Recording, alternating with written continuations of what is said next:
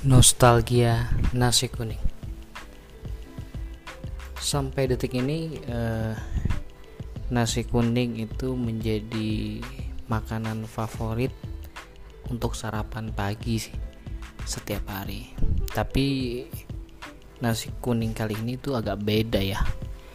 Nasi kuning yang mengingatkan saya 15 tahun yang lalu pada waktu saya masuk SMP uh, ada rasa yang nggak hilang 15 tahun lalu makanan yang paling enak yang minimal pada saat itu pada waktu saya masih pesantren pada saat itu hmm, makanan yang minimal satu minggu sekali harus saya beli. Karena makanan yang menurut saya paling enak gitu. Karena makanan pesantren dulu ya makanannya ala kadarnya tapi ya cukup enak. Tapi makanan ini menurut saya adalah makanan yang paling enak gitu. Dengan keadaan pada saat itu uang saku hanya 30.000 untuk kebutuhan saya dalam seminggu. Yang itu harus dibagi uang jajan uang mungkin beli pulpen, ada mungkin uang untuk urunan, ada uang untuk beli sabun dan segala macamnya. Uh, saya harus memperhitungkan baik-baik bagaimana uang saku saya 30.000 ini bisa cukup. Makanya saya harus uh, menghemat gitu. Jadi pada saat saya dulu SMP itu nasi kuning yang saya beli itu harganya 3000 nah letak tempatnya ini nggak jauh dari pesantren saya. Tapi kalau mau ke sana itu harus izin karena di luar lingkungan pondok pondok pesantren. Nah untuk izin itu pada saat itu kita harus mengeluarkan uang 1000 rupiah. Jadi uang 1000 rupiah ini akan dikelola teman-teman organisasi untuk kebutuhan eh, apa ya kebutuhan kegiatan. Misalnya ada lomba entah itu ada buka puasa bareng atau segala macamnya uang seribu ini untuk uang izin ini digunakan untuk kegiatan organisasi.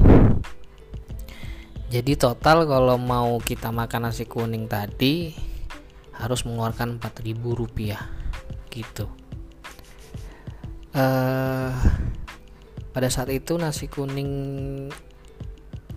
dengan lauk ayam itu adalah makanan enak, makanan terfavorit uh, yang ngebuat lidah saya sampai detik ini di umur 26 tahun. Pada saat itu saya umur berapa ya berarti ya? Kurang lebih umur 11 tahun ya. Umur 11 tahun uh, rasanya itu nggak berubah. Rasanya masih sama, yang masak masih sama, yang jual masih sama ngebuat saya kalau e, lewat daerah situ kalau pagi itu saya wajib harus beli. Tapi ibu yang jual ini acil kalau bahasanya kita manggilnya acil acil yang ngejual ini itu nggak selalu setiap hari jualan gitu loh. Bahkan ngebuat nasi kuning atau nasi pecel di situ tuh nggak banyak porsinya. Jadi kalau habis ya udah nggak nambah-nambah lagi. Jadi kadang-kadang kalau udah udah apa jam 9 nyampe sana itu udah habis gitu udah habis. Jadi eh, betul-betul harus pagi buta lah bahasanya. Karena kalau nggak pagi-pagi nggak kedapetan. Karena yang beli nasi kuning ini bukan cuma daerah sekitar situ tapi kan sebelahnya jual nasi kuning ini ada pondok pesantren juga tuh pondok pesantren yang beda dengan pondok pesantren saya dulu nah jadi banyak tuh santri-santri juga makan di situ. Uh, kenapa sih uh, apa ya bahasanya nasi kuning ini ngingatin saya banget di kepala saya? Karena pada saat itu beli satu nasi kuning itu cuma bisa satu kali seminggu lah bahasanya. Itu ngerasanya nikmat betul. Tapi semakin dewasa mungkin bisa beli nasi kuning itu satu kali eh, satu hari 10 bungkus. Karena harganya murah banget itu nasi kuning itu sekarang harganya 10.000 untuk lauk ayam.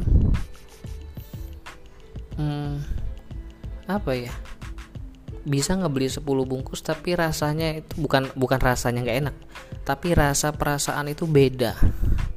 Kalau dulu itu sangat-sangat disyukuri sekali. Ibaratnya bisa beli satu bungkus nasi kuning harga 3000 rupiah itu sangat-sangat disyukuri sekali. Tapi hari ini bisa beli banyak uh, dengan keinginan yang berlebih karena makin dewasa banyak punya keinginan uh, rasanya tidak senikmat dulu. Bukan masalah rasa ya tapi masalah perasaan ini. Bukan rasa nasi kuning gak enak tapi masalah rasa perasaan itu nggak senikmat dulu ketika menikmatinya gitu loh. Kalau dulu excited banget itu makan nasi kuning itu betul-betul uh, ditabung dulu nih disisihkan dulu uangnya. Akhirnya beli. Jadi mengeluarkan itu perlu effort gitu loh. Mengeluarkan uang itu untuk beli nasi kuning ini perlu effort. Jadi rasa kenikmatannya itu betul-betul terasa gitu. Nah dalam kehidupan ini itu kita banyak terlalu banyak keinginan terlalu banyak keinginan sehingga membuat diri kita itu malah makin stres makin pusing karena kita tidak mensyukuri hal-hal kecil ini nih. Kayak tadi bisa makan nasi kuning. Itu kan hal-hal kecil ya. Mungkin bagi orang yang punya uang jutaan beli nasi kuning sepuluh ribu itu mudah. Ya kan? Mudah. Tapi bukan masalah itu tapi masalah rasa ketika mendapatkannya itu gimana caranya gitu loh? Ketika kita tidak mensyukuri nikmat yang kecil-kecil ini nih maka nikmat-nikmat yang besar itu tidak terasa nikmat. Maka dari itu Eh, dari nasi kuning ini saya belajar bagaimana mensikapi dan belajar bagaimana mensyukuri hal-hal kecil gitu. Ya seperti itu. Jadi ketika kita mensyukuri hal-hal kecil hal-hal yang simple itu itu kita akan setiap hari menemukan rasa syukur yang lebih besar lagi gitu. Kan Allah juga udah bilang di surat cintanya itu di dalam Al-Quran uh, yang artinya intinya gini ketika kita bersyukur kepada Allah maka Allah akan tambah tapi kalau kita kufur maka azabnya Allah itu amat pedih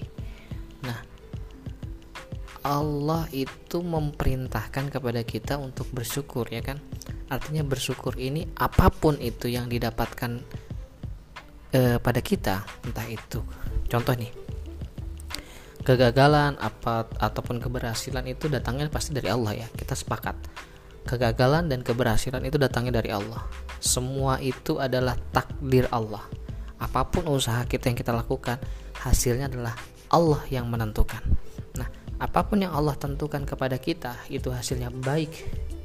Eh bukan baik bah. Eh, apa namanya? Yang kita pandang itu baik atau buruk kalau itu datangnya dari Allah itu pasti baik. Maka kita sebagai manusia dan sebagai hamba itu harus bersyukur atas apa yang Allah telah berikan kepada kita agar Allah akan tambah nikmatnya. Mungkin itu saja sharing saya. Assalamualaikum warahmatullahi wabarakatuh